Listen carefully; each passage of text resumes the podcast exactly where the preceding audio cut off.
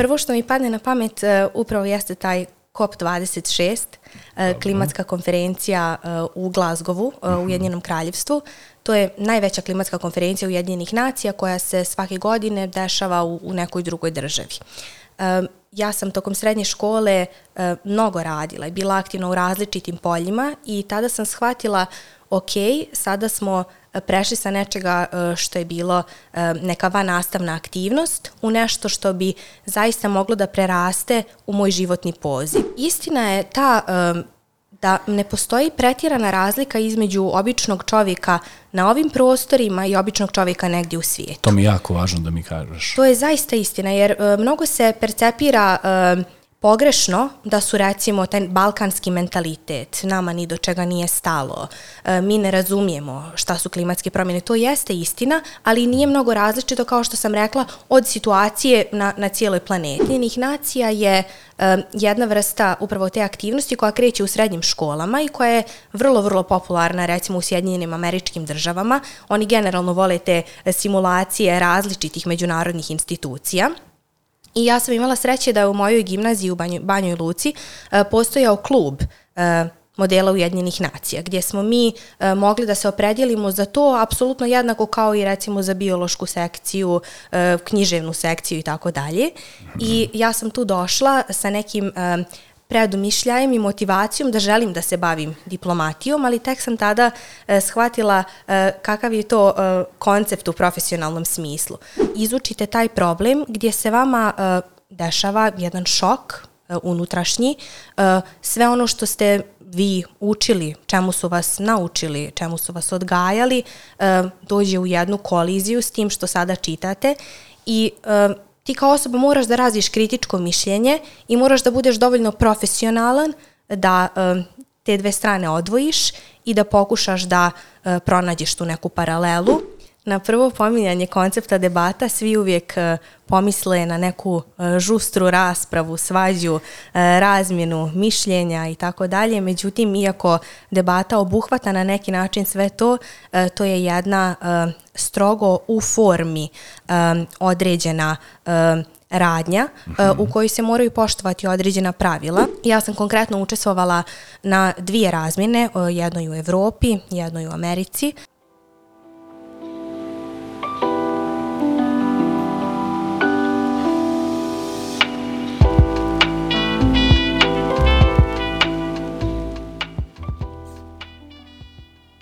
Dobar dan i dobrodošli u još jednu epizodu Spotlight podcasta. Nalazimo se u našem malom studiju u Sarajevu.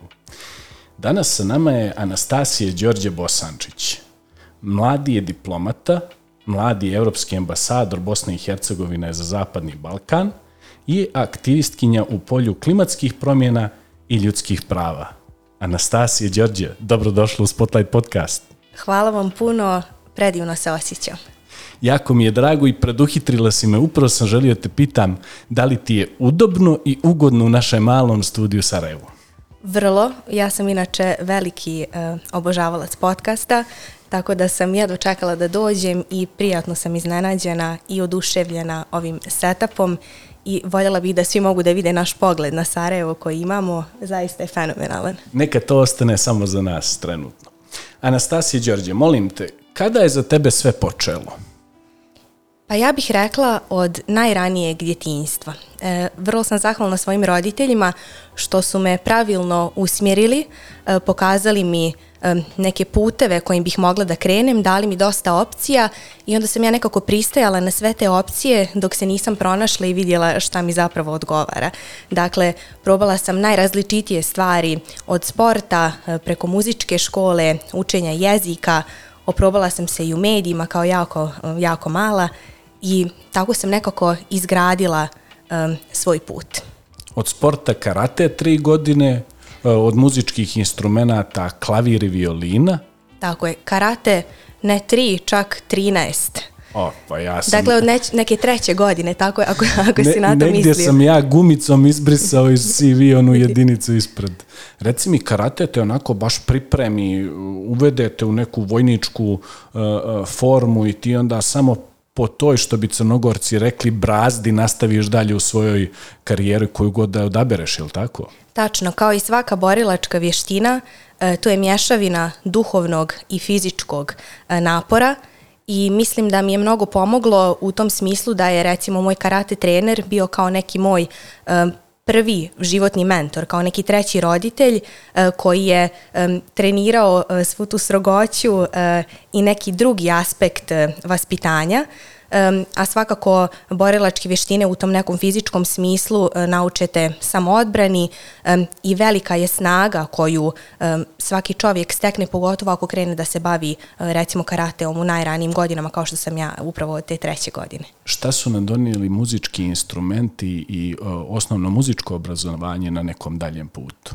Pa jedna moja strana porodice je uh, apsolutno muzička, tako da sam ja nekako naslijedila taj talent i bilo je prirodno uh, da krenem tim putem, makar u tom osnovnom obrazovanju, pa vidim da, da vidim da li će mi se to na kraju dopasti.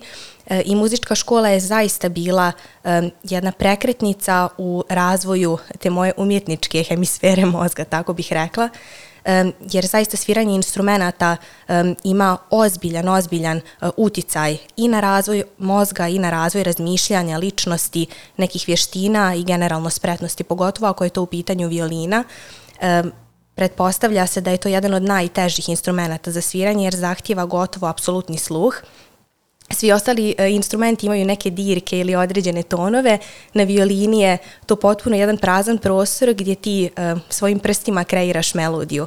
E, tako da je potrebno da imaš tu istančanu svijest o tome kako proizvodiš ton i naravno da je potrebno mnogo, mnogo vježbe da se to usavrši, tako da sam ja jako zahvalna za to iskustvo.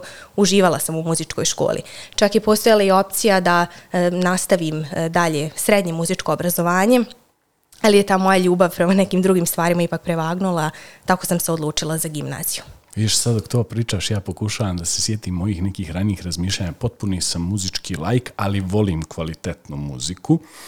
I uvijek sam razmišljao kako upravo to što kažeš, u početnim fazama učenja, jeli klavijaturista vidi e, svoje ruke, e, gitarista također vidi jasno žice, a violinista najčešće, dobro, kad su vrhunski majstori, ne mora više niko da gleda svoje ruke, ali violinista čak iz te percepcije ne može lijepo da vidi tačno šta radi, on mora da zatvori oči i da naprosto to uvježba u dijelu, da instrument i on postanu jedno, je li tako? Upravo sam to sada htjela reći, potrebno je to dovesti do, do takve perfekcije, čak i ako nisi perfektan svirač, da se sjediniš sa instrumentom i da već nekako intuitivno e, prepoznaješ šta imaginarna polja, recimo koja su na gitari jasno obilježena, na violini to nisu, tako da mi je to, mogu reći, e, doprinilo mojoj disciplini, jer je zaista zahtijevalo mnogo sati vježbanja, tako da, e, pored tog mog gustog rasporeda, recimo, Zanimljivo je kako moji recimo prijatelji iz tih najranijih dana mene percipiraju da sam ja bila osoba koja onako ustane ujutru, odradi tu osnovnu školu i onda nakon toga trčim na rolerima ili na biciklu da stignem na, na, na muzičku školu, onda nakon toga vježbam, pa onda neki čas jezika, naveče karate, tako da mi je uvijek raspored bio nekako e, prebukiran, ali e, onim što volim. I naučilo me dosta o tome kako biti disciplinovan i kako e, organizovati sve svoje obaveze. I sada kada je došao neki stvarni život nakon školovanja, kada zaista trebaju da se rasporede prioriteti, znala sam kako to da radim, zato što sam u toj najranijoj fazi života naučila e, upravo kako postaviti prioritete i to sada kada me i pitaju recimo za neki savjet ili kako sve stižeš, kako postići najbolju učinkovitost, uvijek kažem to prioriteti. E, za tebe je sve počelo u Banja Luci, e, osnovno i srednjoškolsko obrazovanje. E, tu sam vidio kroz CV da tu je, jeli, prošlo je bez većih problema. E, E, nakon toga dolazimo do odluke gdje i kako studirati osnovne studije. Mnogo je opcija u tvom slučaju bilo na stolu.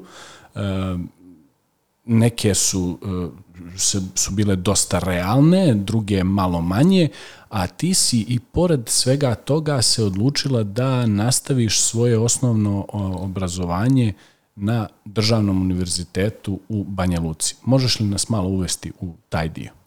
Tako je. Pa ja bih rekla da sam imala sreće u tom smislu da sam od uvijek znala čime želim da se bavim, to jeste šta bi trebalo da bude neki moj poziv u budućnosti. E, imala sam uvijek taj neki koncept e, politike, međunarodnih odnosa, diplomatije u svojoj glavi. Mm -hmm. e, sjećam se da sam recimo e, bez propuštanja pratila vijesti svako veče, e, čitala sam različite članke i onda sam u gimnaziji počela da se bavim e, debatom, modelima Ujedinjenih nacija, e, Evropskom unijom pričat ćemo o tome, e, tako da sam e, znala da će moj studijski program svakako biti političke nauke, međunarodni odnosi, neki global, e, da kažem, global affairs e, i slično. Međutim, ta odluka gdje studirati bila je dosta izazovna. E, ja sam se od uvijek pripremala da to prevashodno bude Amerika, međutim, e, pored raznih nekih e, izazova e, koji su se desili, e, i uslijed njih nisam uspjela to da ostvarim. Prije svega mislim na pandemiju e, koja je, vjerujem, e, svima nekako obrnula živote, tako da je to poznata priča svima, svako ima neko svoje propušteno iskustvo. Tako je, svoju neku verziju dešavanja. Tačno. I ono što je jeli, percipirao da će biti njegova realnost izbilje i onda smo shvatili svi da i te kako mogu okolnosti da nam se promijene. I ono stalno što pričamo je E, E, uzmite u obzir prilikom pravljenja srednjoročnih i dugoročnih planova, e, samo uzmite u obzir okolnosti. Tačno, ja sam jako zahvalna što se to tada desilo, jer sam ja do tada nekako prolazila kroz život trčeći, sve je išlo glatko, ja sam radila, onda se taj trud isplatio, otvarale su se prilike i to je bila neka prva prepreka gdje sam se ja našla um, u stanu za laptopom, potpuno bespomoćna, pokušavajući e, niz čega da napravim najbolji mogući outcome e, i, nažalost, nisam uspjela u tome. Tako da sam, e, kao što sam rekla, zahvalna za taj prvi udarac e, koji mi se desio baš tada kada je, kada je trebalo da se desi tako sredinom srednje škole. I onda sam pokušala da nađem neka alternativna rješenja. E, gledala sam ostale univerzitete u inostranstvu, tačnije u Evropi, aplicirala na nekoliko njih e, i taj neki uži izbor je, da kažem, e, spao na Italiju. Mm -hmm. Međutim, e, isto sam u tom trenutku poslušala sebe i onako nekako sam stavila prednosti i nedostatke na papir. Da to kažemo prostim rečnikom, nisi željela da praviš kompromis.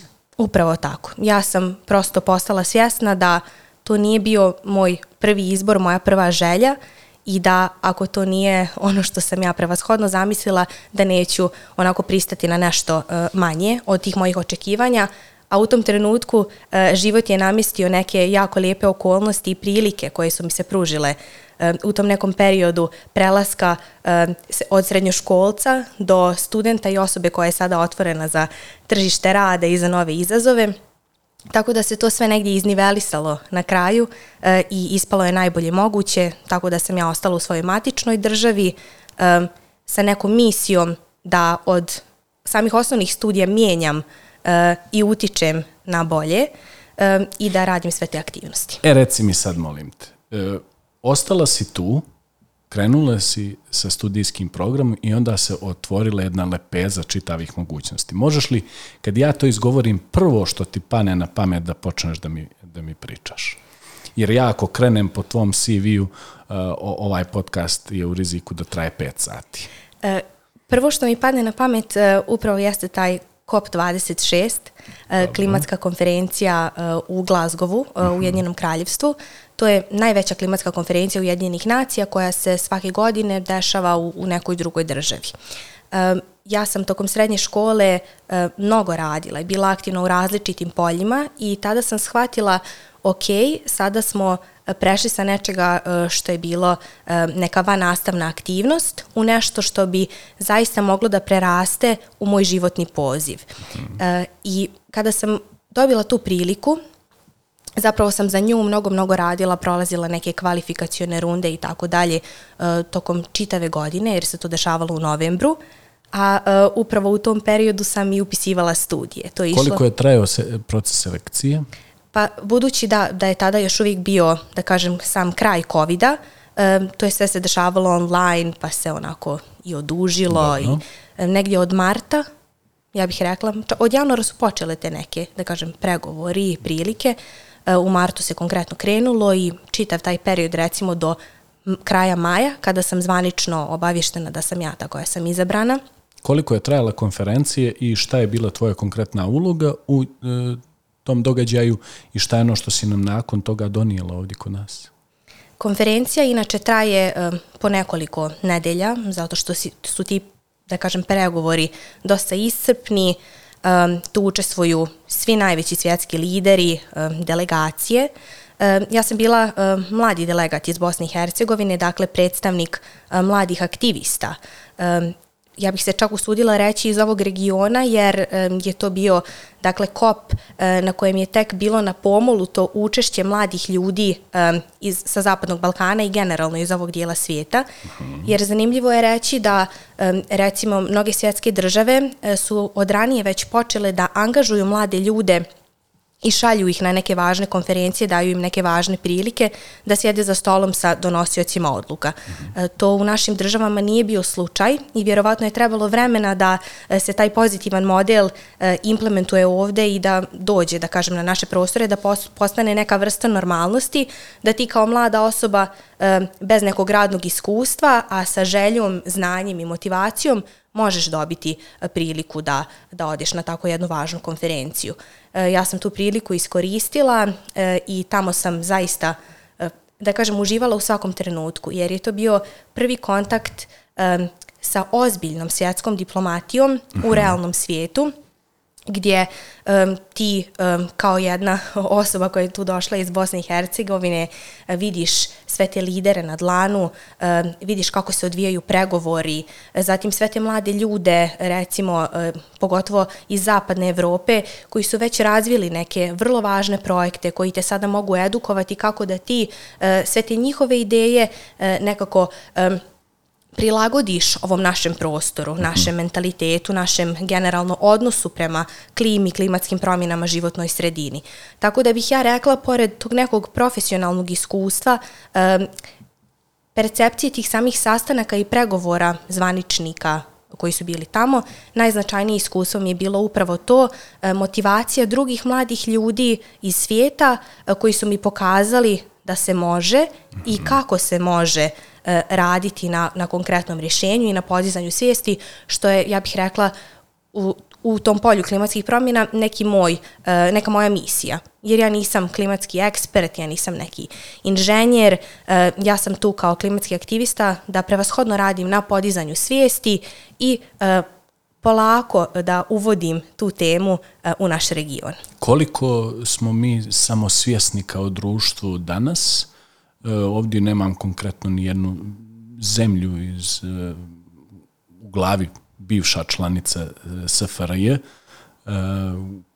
Koliko, koliko je naše društvo uopšte generalno svjesno, svjesno o klimatskim promjenama i o svemu onome o čemu zvaničnici pri, pričaju na takvim nekim konferencijama? Istina je ta da ne postoji pretjerana razlika između običnog čovjeka na ovim prostorima i običnog čovjeka negdje u svijetu. To mi je jako važno da mi kažeš. To je zaista istina, jer e, mnogo se percepira e, pogrešno da su recimo taj balkanski mentalitet, nama ni do čega nije stalo, e, mi ne razumijemo šta su klimatske promjene, to jeste istina, ali nije mnogo različito kao što sam rekla od situacije na, na cijeloj planeti. Međutim, ono što je razlika jesu prilike. Nije isto biti običan čovjek na Balkanu i recimo u Holandiji. U Holandiji um, u, pros, na, u jednom, da kažem, prosječnom danu osoba kada um, izađe iz kuće, vidi oko sebe um, kante za reciklažu, normalno je da se ide um, javnim prevozom, normalno je da se koristi biciklo, čak je, da kažem, i um, ne samo normalno, nego i To je zvanično sredstvo prevoza. Zvanično sredstvo, ali ne mora da bude recimo Holandija koja je tako očigledan primjer. Da. Možemo da uzmemo bilo koju državu uh, u zapadnoj Evropi gdje je mnogo uh, približniji taj uh, način života, da kažem, zeleni način života običnom građaninu. To je kod nas mnogo teže i ti čak i ako pokušavaš da razviješ tu svijest, nekako te eksterne okolnosti dočekaju i potpuno te demorališu da se ti zapitaš zašto ja uopšte sad nisam uzela tu plastičnu kesu, nego nosim ovaj svoj ceger, e, šta sam ja to učinio e, tako što nisam popio vodu iz te plastične flaše, nego sam se opredijelio da nosim sa sobom staklenu, šta ja kao pojedinac mogu da učinim, kada jednostavno sistematski e, nije ustanovljeno i nije podržano da se živi na zelenu, kroz zeleni način života. Tako da ja potpuno razumijem, da kažem, taj E, izostanak svijesti, ali um, se i trudim da pokažem da taj individualni angažman i trud može mnogo da se isplati, jer promjena može da dođe iznutra od nas samih i zaista vjerujem u to širenje uh, od osobe do osobe uh, ličnim primjerom. Mm super. E, možeš sad malo da nisam siguran koliko hronologijom idem dobro kroz CV, ali ti ćeš mi pomoći. Vidio sam da si prisustovala na preko 20 simulacija uh, Ujedinih nacija i da si između ostalog bila i delegat i predsjedavajuća. Možeš i da mi kažeš nešto o tom iskustvu i koliko je e, takvo jedno iskustvo važno za razvoj ličnosti kakav ja imam danas ispred sebe dok te gledam i slušam. Da kažem, zvanični kurikulum u školama nas uči nekim osnovnim fundamentalnim predmetima, međutim, e, sav onaj razvoj naše ličnosti i interesovanja e, u našem kraju svijeta mora da se dešava kroz van nastavne aktivnosti ili neke sekcije. E, kao i debata, možda koju ćemo pomenuti kasnije, model Ujedinjenih nacija je e, jedna vrsta upravo te aktivnosti koja kreće u srednjim školama i koja je vrlo, vrlo popularna recimo u Sjedinjenim američkim državama. Oni generalno vole te simulacije različitih međunarodnih institucija. I ja sam imala sreće da je u mojoj gimnaziji u Banjoj, Banjoj Luci e, postojao klub e, modela Ujedinjenih nacija, gdje smo mi e, mogli da se opredjelimo za to apsolutno jednako kao i recimo za biološku sekciju, književnu sekciju i tako dalje. I ja sam tu došla sa nekim predumišljajem i motivacijom da želim da se bavim diplomatijom, ali tek sam tada e, shvatila e, kakav je to e, koncept u profesionalnom smislu. Zato što e, kroz taj model Ujedinjenih nacija vi praktično e, kao delegati e, preuzimate uloge realnih država na neki određeni realni problem u svijetu. Pa sad recimo kada uzmemo glad u Jemenu kao e, temu, vi možete da budete e, Njemačka, možete da budete i Saudijska Arabija, e, pa se u odnosu na to e, ponašate i govorite o toj temi. Dakle, baš kao da ste delegat te određene države. I onda je to, da kažem, neki role play mm -hmm. gdje ti potpuno uđeš u lik, prvo što proučiš politiku te zemlje koja ti je dodijeljena, zatim što vrlo, vrlo temeljno obradiš tu temu, jer moraš biti spreman da o njoj diskutuješ na nivou Ujedinjenih nacija. Mm -hmm. E, I to sam radila kroz četiri godine i samim tim se i taj broj konferencija dosta nakupio. E, učestvovala sam na konferencijama u regionu, a onda je to prešlo uh, E, i na svjetski nivo, e, tako da sam zaista postala pasionirani e, delegat modela Ujedinjenih nacija i kasnije postala predsjedavajući, a to je u suštini samo jedan viši rang gdje vi postajete osoba koja moderira diskusiju tih nekih delegata koji su u određenom komitetu. E, prisjeti se za mene od svih tih konferencija e, koja je bila onako najzanimljivija, e, koju si ulogu, ne sumnjam da si svaku e, zdušno e, branila, ali koju si zemlju najviše voljela da predstavljaš i koji konkretan problem ste rešavali? Pa što se tiče konferencije, izdvojila bih konferenciju u Madridu, mm -hmm. koja je bila vrlo, vrlo interesantna. Lijepa lokacija. Madrid je od tada postao moj omiljeni grad. Dobro. I ja sam tada bila predsjedavajući na uh, Komitetu svjetske zdravstvene organizacije, ali kada je u pitanju konkretna država i problem, uh, to je bio model Ujedinjih nacija u Berlinu, uh, kada sam ja predstavljala Afganistan na temu uh, prava žena. I ta se tema račvala dakle na rane brakove u koje žene prisilno ulaze. I jako sam bila... Počasovana što sam dobila eto tim slučajnim odabirom Afganistan, jer je to jedna država koja je potpuno ekstremna u odnosu na taj problem. I onda sam mogla da se stavim u njihovu poziciju. Jesu li to dogovoreni brakovi ili naprosto njihov izbor da uđu sa partnerom e, značajno ranije nego što je normalno? Pa i jedno i drugo, mm. ali na, najveći problem konkretno recimo mm. u, u toj državi jesu ti dogovoreni brakovi e, koji još uvijek vuku te korijene od tradicionalnih postulata e, porodica koje imaju neki međusobni interes i brak sklapaju e, na osnovu nekog u budućnosti dobra koje bi se moglo ostvariti, a ne na osnovu, da kažem, emocije ili neke konekcije između dvoje mladih. E, tako da sam ja, eto, kroz taj recimo konkretan primjer učila o šerijatskom pravu, e, pokušavala da razumijem e, političku situaciju u Afganistanu e, i kao što sam rekla potpuno se stavila u tu poziciju gdje sam ja na toj konferenciji morala da budem predstavnik Afganistana. Dakle, ja sam pričala sve ono suprotno što je recimo što su recimo demokratske vrijednosti. I to mi je bilo vrlo zanimljivo i obično volim te e, ekstremne situacije i u debatama i u simulacijama gdje dobijem potpuno neočekivanu stranu e, od one koja je, da kažem, e, neka sredina e, i tada zaista uživam jer tada pokušavam da shvatim perspektivu, da pronađem probleme i samim tim mi dođu ideje za, za potencijalna rješenja. Reci mi, da li je normalno da u takvim nekim situacijama ti u svojoj glavi praviš paralele. I da li si u toj konkretnoj situaciji imala neku paralelu koja je bila generisana kroz tvoje neko iskustvo odgajanja u Federaciji Bosne i Hercegovine, e, konkretno i da li ti je takvo neko iskustvo prilikom odbrane tih stavova bilo onako hendi i pomoglo ti? Vrlo. To otvori različite perspektive. E, dakle, vi počnete da iščitavate neke dokumente, da gledate dokumentarce, priloge, intervjue koje inače nikada ne biste. E, I potpuno e, izučite taj problem gdje se vama dešava jedan šok unutrašnji. Sve ono što ste vi učili, čemu su vas naučili, čemu su vas odgajali, dođe u jednu koliziju s tim što sada čitate i ti kao osoba moraš da raziš kritičko mišljenje i moraš da budeš dovoljno profesionalan da e, te dve strane odvojiš i da pokušaš da e, pronađeš tu neku paralelu i da razumiješ obe strane. Možda e, ne možeš sa obe strane da e, se usaglasiš, da do kraja podržiš ili uopšte da podržiš, ali nekako te natjera e, da razumiješ e, čitavu političku, geopolitičku, socijalnu situaciju. I nakon toga sam naravno e, počela da istražujem i religije e, i to kako recimo tradicije i religija mogu i zašto toliko utiču na e, svakodnevni život i, i socijalno stanje i percepciju, e, da kažem, svakodnevnog čovjeka. Šta su ti modeli uh, UN-a dali u dijelu networkinga i sa tim i zaključi prije ove naše prve pauze? Dali su mi mnogo toga u smislu da e, tamo učestvuju e, srednjoškolci i studenti e, koji su najbolji od najboljih u svojim školama, na svojim univerzitetima i koji imaju veliku motivaciju i aspiraciju za budućnost.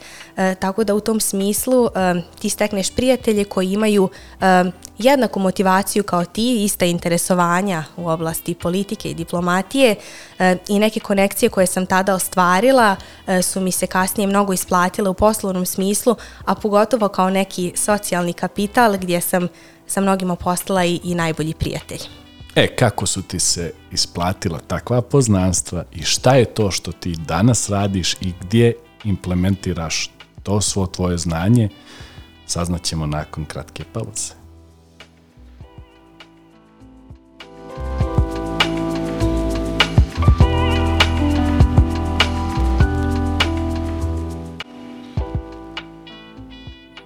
Evo nas nakon kratke pauze sa nama Anastasija Đorđe, mlada aktivistkinja.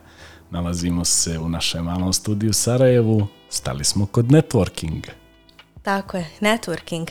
Za mene je skoro najvažnija tema. Uh, E, čak sam e, uslijed svog iskustva e, tokom godina kreirala prezentaciju koju sada držim na različitim projektima i programima za druge mlade ljude o kojima govorimo o važnosti networkinga.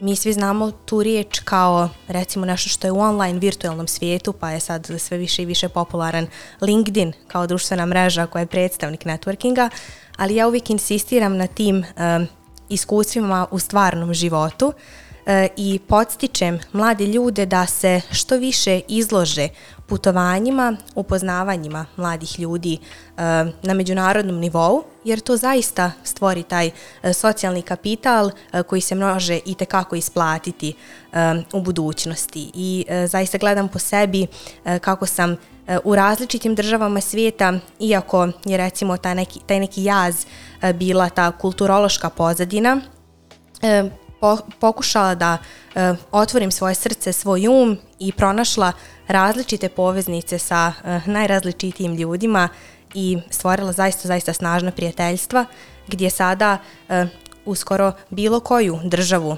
Evrope da odem imam nekog e, snažnog prijatelja i snažnu konekciju. E, tako da je to, da kažem, neki prioritet na kom insistiram. Ono, ako ne baš u tom malom gradu, Austriji se našla li definitivno u Beču ili, ili nekoj okolini? Upravo tako. E, dobro, vratit ću se networkingu kroz e, međunarodne razmjene, a sada želim da otvorim jednu temu sa tobom koja onako provijava kroz tvoj CV, a to su debate. Možeš mi malo reći e, šta su konkretno debatska takmičenja, šta si ti iz toga e, dobila e, danas i e, da mi kažeš kakva je tvoja uloga e, u, u svom tom nekom procesu.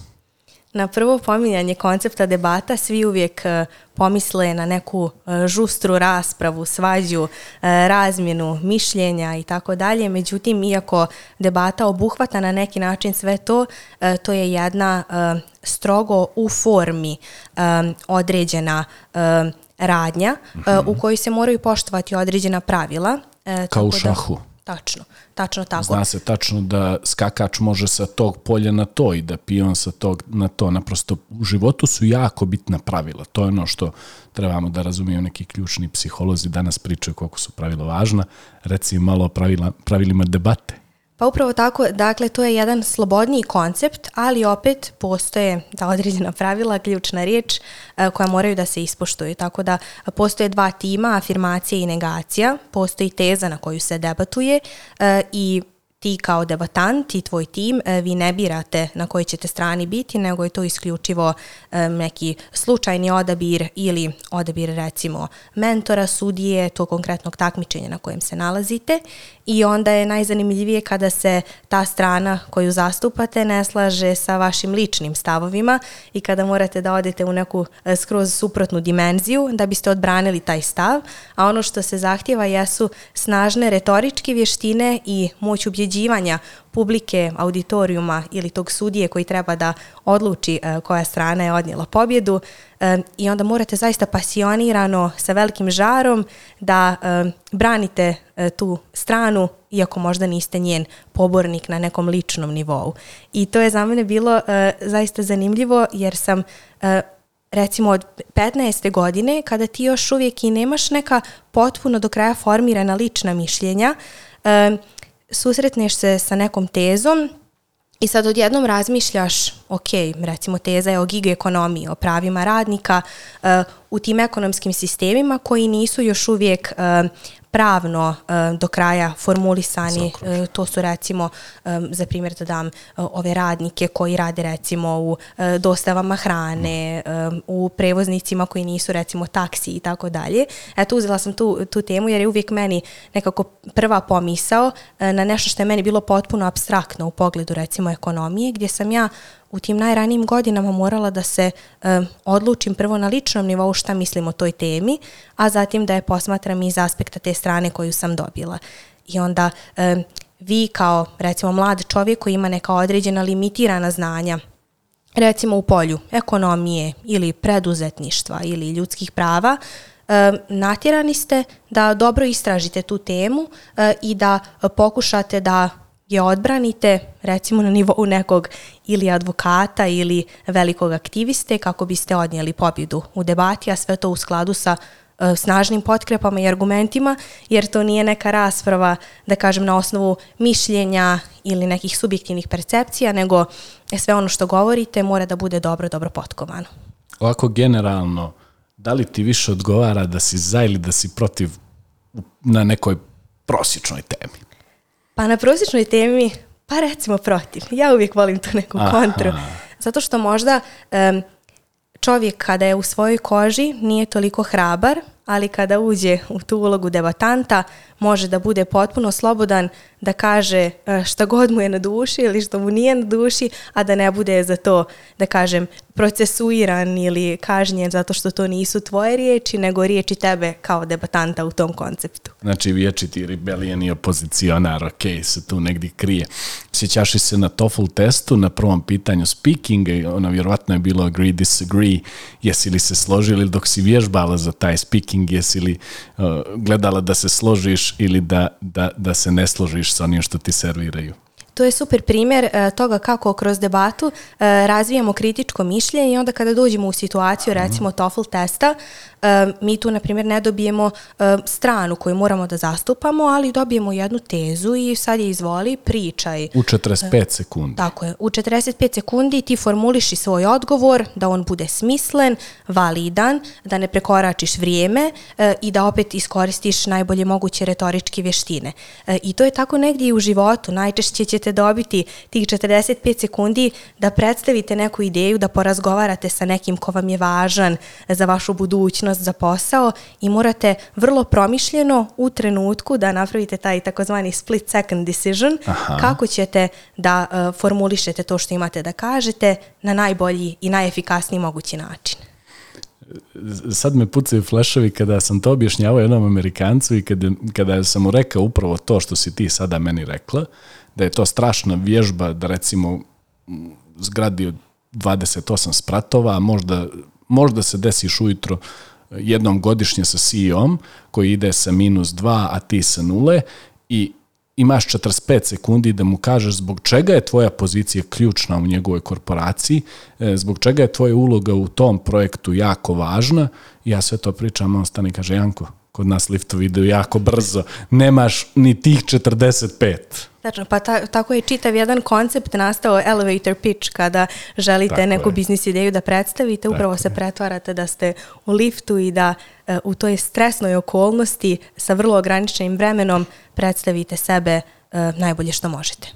Super. E, možeš i da mi kažeš e, još samo vezano za debate, za sve one koji su zainteresovani, sada smo ih malo potakli ovom pričom, e, gdje se javljaju, e, kakva je procedura, kad se održavaju takmičenja i, i malo mi još daje o tome.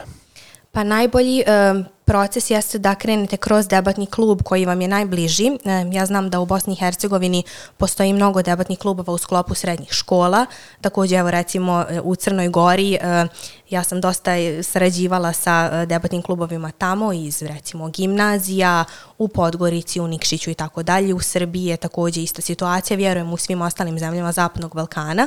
Dakle, kroz vaše srednje obrazovanje da vam to postane eh, neki onako side hustle kome ćete se posvetiti i samim tim kada vježbate i kada radite debate u svojoj školi, dolaze prilike za međunarodna takmičenja na koja možete otići, upoznati druge debatante iz svijeta i recimo tu Pored svega ovoga što smo nabrali i kritičkog razmišljanja i retoričkih vještina e, i toga da budete koncizni, da poštujete vrijeme, poštujete pravila, vi vježbate i engleski jezik i da kažem e, ulazite u taj takmičarski duh koji je vrlo, vrlo fair play. Ja bih čak rekla da ta debatna takmičenja e, imaju isti efekat kao recimo sportska takmičenja, samo da su pravila još stroža e, i da na kraju nema nekog pretjeranog vremena za e, očajavanje, nego već nakon jedne debate dolazi druga runda, onda morate brzo da se prebacujete s jedne pozicije na drugu, s jedne teme na drugu i to vas uči e, da kažem i životu, jer dešava se mnogo udaraca sa različitih strana, mnogo padova i nemate baš puno vremena da razmišljate kako i Reflektirate. šta, nego prosto to, e, ta refleksija dođe kasnije, a u tom trenutku e, praviš odluke e, koje moraju biti najispravnije za taj trenutak, a možda nisi potpuno trezvene glave, pa te to na neki način i vježba e, za život. Tako je, upravo ta vježba nam i treba. Sada ću sa debate malo da skrenem, ponovo idemo neki vele slalom kroz, kroz tvoj CV. E, vezano za međunarodne razmjene. Reci mi na kojim sve međunarodnim razmjenama si bila, u kom vremenskom periodu i šta su ti takva neka iskustva donijela danas? Pa, pored ovih a, međunarodnih takmičenja u oblasti debate različitih simulacija, a, postoje za sve ljubitelje političkih nauka, a, diplomatije, razmjene koje traju recimo od dvije, tri, četiri nedelje, pa do nekih dva mjeseca, e, koje u tom kratkom periodu tebi pružaju e, potpuno e, znanje o, recimo, nekoj temi o, o kojoj se predaje na toj razmini.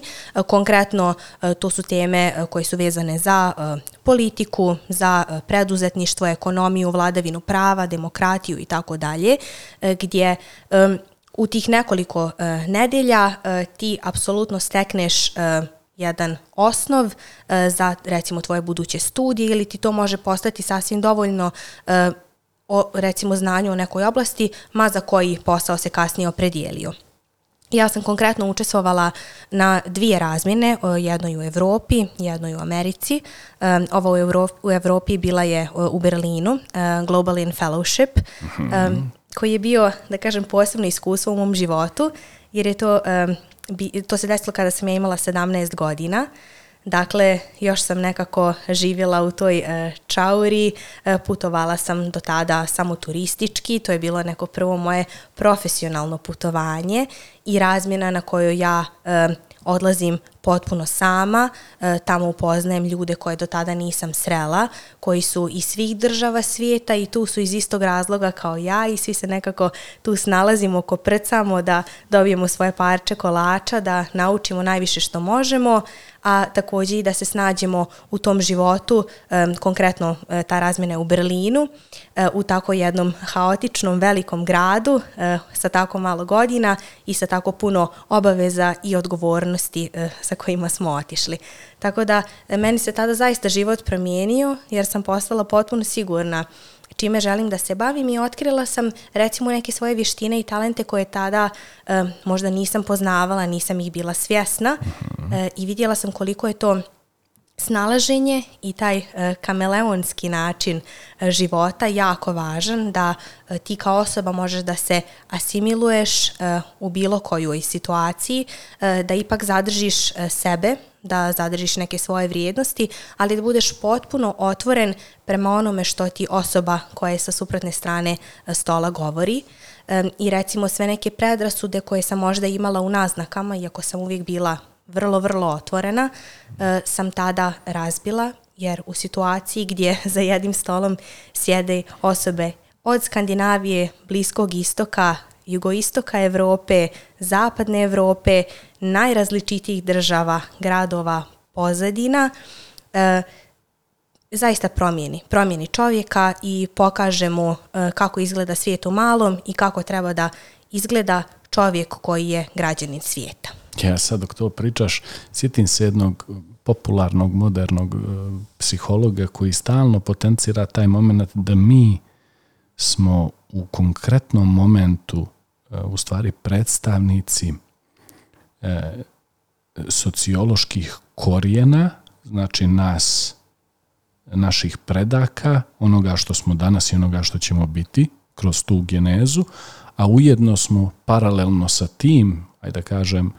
te dvije krivulje se negdje spajaju e, predstavnici e, društva kojem pripadamo.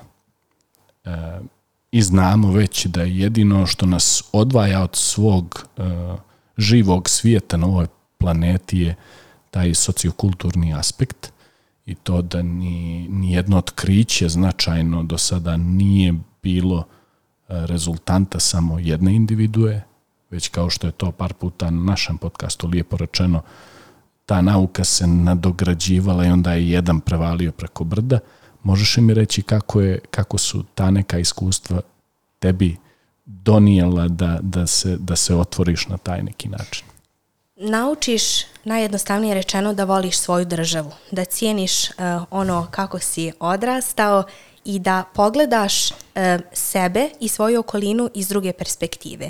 Jer recimo e, uvijek lijep primjer e, osobe koja je sada moja najbolja prijateljica koja je iz Jordana. Mm-hmm. Recimo Jordan je zemlja koja ima mnogo, mnogo političkih, ekonomskih, najrazličitijih poteškoća, ali to kako je ona meni predstavila svoju državu i kako je lijepo govorila o njoj, pokazalo mi je kako ja kao građanka Bosne i Hercegovine mogu da predstavim Bosnu i Hercegovinu u svijetu bez ikakvog pretvaranja i nekog prekrajanja činjenica. Ja sam tada E, postala svjesna e, činjenice da je multikulturalnost i multietničnost zapravo sjajna.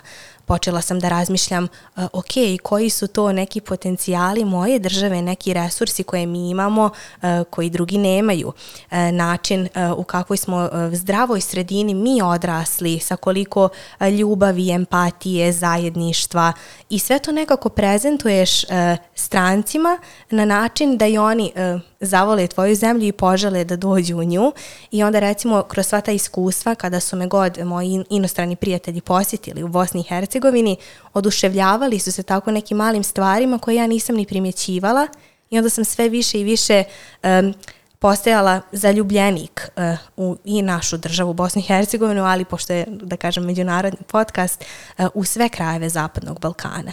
I evo kad već pominjem Zapadni Balkan, nakon što sam obišla sve države koje se nalaze, da kažem, u tom konceptu, e, ja sam zapravo shvatila da sam na svakom tom tlu e, ja dio te države na neki način, da nosim neko parče i e, Hrvatske, i Albanije, i Makedonije i svugdje sam se osjećala kao kod kuće i nekako sam izoštrila svoja čula i prepoznavala sam upravo te neke detalje koji su potencijali ovog našeg kraja. Mogu ti kažem, dok sad to govoriš da je jedan najvećih izazova uh, voditelja podcasta da ugrabi onu misao koju je želio da ispotencira prije neke lijepe priče. Nema šanse da mogu da se sjetim šta sam htio da te pitam prije svega ovoga, ali želim da ti čestitam na jednoj sjajnoj paraleli koju si napravila. Možda ni ti ni ja trenutno nijesmo svjesni više dimenzionalnosti u sličnosti između Jordana i Federacije. Uh, i svakako je to neko trenutno iskustvo koje si imala ti pomoglo da ti vidiš te neke paralele. Odlično, želio bih samo ovako neumoljivo se približavamo kraju ovog drugog dijela, da mi malo um, ispričaš vezano za organizaciju mladih ambasadora u regionu i to se nekako lijepo um, nadovezuje na ovo o čemu smo, gdje želimo da poentiramo, uh, od od kada si e, član, članica organizacije i ambasadorka i reci mi koji su ključni ciljevi vizija e, takve jedne organizacije? Mladi evropski ambasadori e, su koncept Evropske komisije i generalno Evropske unije koji već nekoliko godina traje uh, u različitim državama Evrope, međutim nije dolazio dugo u ove naše krajeve, trebalo je vremena da se ovde razvije, kao i naravno sve, ali ja sam e, postala članica druge generacije ambasadora, to je ako se ne varam više i ne brojim e, neki početak 2021. godine, tako da se mi evo već približavamo e, trećoj godini mog mandata. I također je bila jedna sjajna prilika za ne samo mene, nego i sve mlade ljude koji recimo imaju aspiraciju da postanu neki oblik lidera u budućnosti, da se regrutuju u tim nekim mlađim godinama i da vidimo kako je to uh, biti predstavnik recimo Evropske unije uh, na Zapadnom Balkanu. Kako je to uh, širiti vrijednosti uh, evropske, e, kako je to širiti demokratiju, e, neke lijepe priče i prilike za mlade ljude. Ja bih rekla da je najveće bogatstvo mreže mladih evropskih ambasadora na Zapadnom Balkanu to što imamo priliku jedni druge da posjećujemo e, u državama, što smo imali priliku da ostvarimo dijalog na više nivoa, da se sprijateljimo i da samim tim prevaziđemo sve ono što nam je um, govoreno od, da kažem, pamti vijeka um, i da sami iskusimo um, ta iskustva iz prve ruke, da vidimo i da prosudimo sami za sebe. E, to mi se posebno sviđa, a naravno i sve te prilike koje imamo da putujemo recimo u Brisel ili u Strasbur, e, da vidimo kako izgledaju te velelepne evropske institucije, kako se tamo donose odluke i koliki uticaj mladi ljudi na te odluke imaju. Dakle, da su ti evropski zvaničnici zaista spremni da nas uključe uh, u razgovore i pregovore, da žele da čuju e, neke ideje koje mi imamo kao nosioci ove mlađe generacije, jer ja uvijek kažem, e, mladi ljudi ne trebaju da budu samo floskula mladi ljudi, uključujemo ih u razgovor samo zato što su mladi, zato što je to lijepo začuti. Ne, nego smo mi e, što je objektivna činjenica, ti koji ćemo za 10-20 godina živjeti u ovom svijetu. I mi, po mom mišljenju, ne bismo trebali čekati uh, tih 10-20 godina da se nađemo na tim pozicijama, nego već polako graditi tu budućnost u kojoj želimo da živimo. I to je ono što je meni mreža mladih evropskih ambasadora uh, ponudila. I zaista se osjećam kao da se moj glas čuje, kao da se moja mišljenja i ideje uvažavaju i vidim taj neki direktan uticaj od ideje do realizacije koji imam i to mi se jako, jako sviđa, zaista cijenim uh, to što sam dobila tu priliku i što um, i kao mlada osoba mogu biti oslovljena sa tim da sam ambasador nečega uh, i da imam zaista neki stvarni uticaj na trenutnu situaciju uh, u svijetu. Da li postoji neka konkretna procedura, da li član se postaje na nivou preporuke nekoga ili nečega ili možeš samo inicijativno postaneš mladi ambasador u regionu? U suštini svake godine se otvara poziv i ono što je vrlo zanimljivo jeste da um, kao osoba ne moraš biti samo zainteresovan za politiku, nego možeš da se baviš nekom umjetnošću, različitim poljima aktivizma. Tako je, kulturnom diplomatijom. Tako je, tačno tako.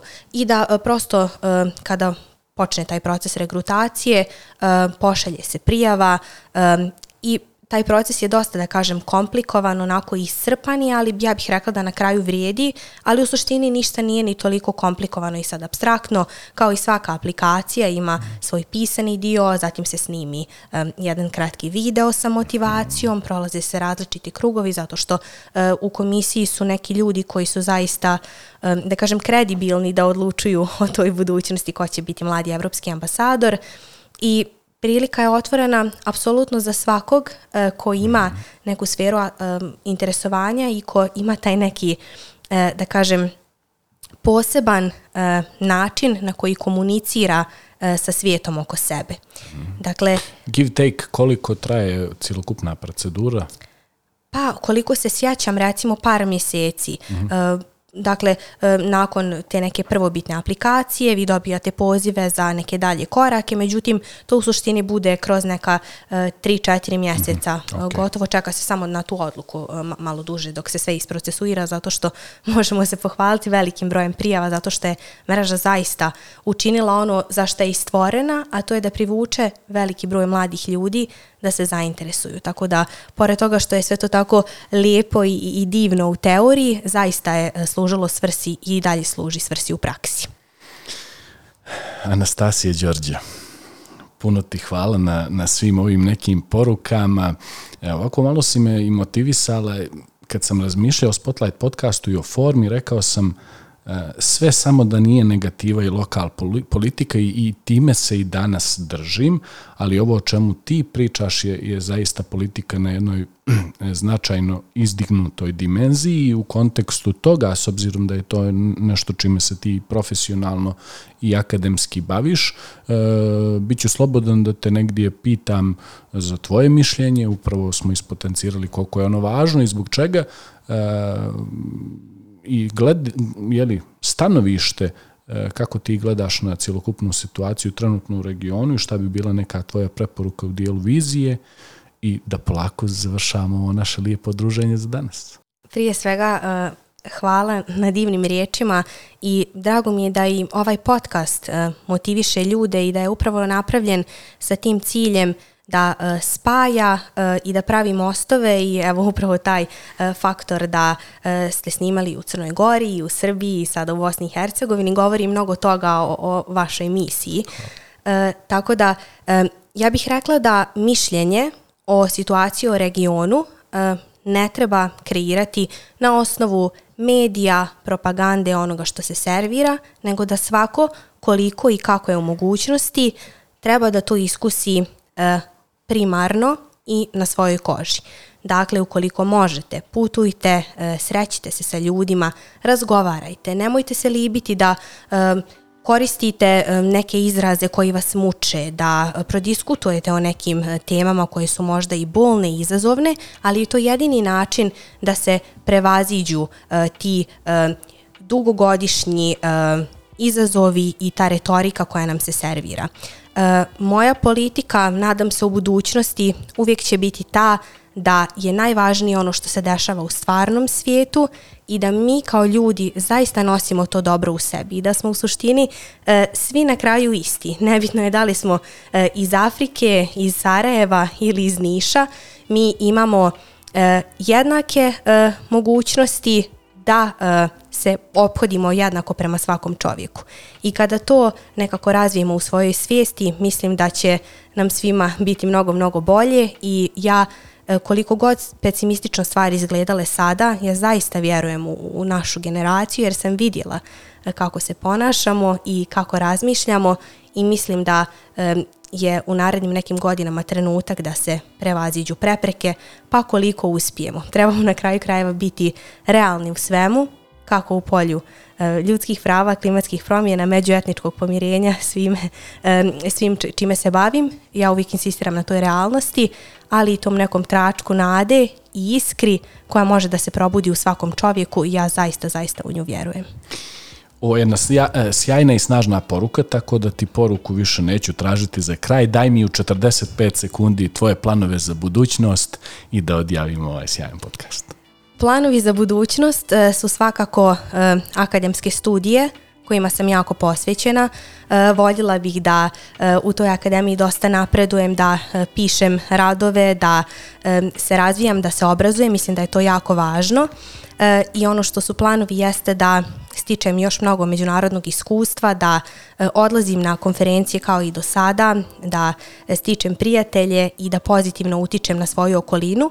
Ono što je najvažnije kod mene jeste da se ta misija na kraju isplati i drugima, da to ne bude samo moja priča, nego da podstakne mlade ljude i da im kažem da je zaista moguće stotinu vrata će se zatvoriti, ali onda ćete doći na jedna vrata i pokucat ćete i neko će vam otvoriti i neko će reći ok, hajde da te poslušam i da vidim šta imaš da kažeš. I e, zaista samo treba da budete istrajni e, i da se što više angažujete i ovo je poruka i za mlade i za starije. Dakle, nema odustajanja, uvijek trebate da težite ka nečemu i da imate neku svoju e, misiju koja će biti vaša unutrašnja, ali koja će se reflektovati i na svijet oko vas. Anastasije Đorđe, puno ti hvala na ovakvom jednom gostovanju. Nadam se da ću negdje kroz život ponovo imati priliku da odradim podcast emisiju sa tobom. Nadam se i ja i puno sreće uh, u daljim uh, radu i gostovanjima. Puno hvala.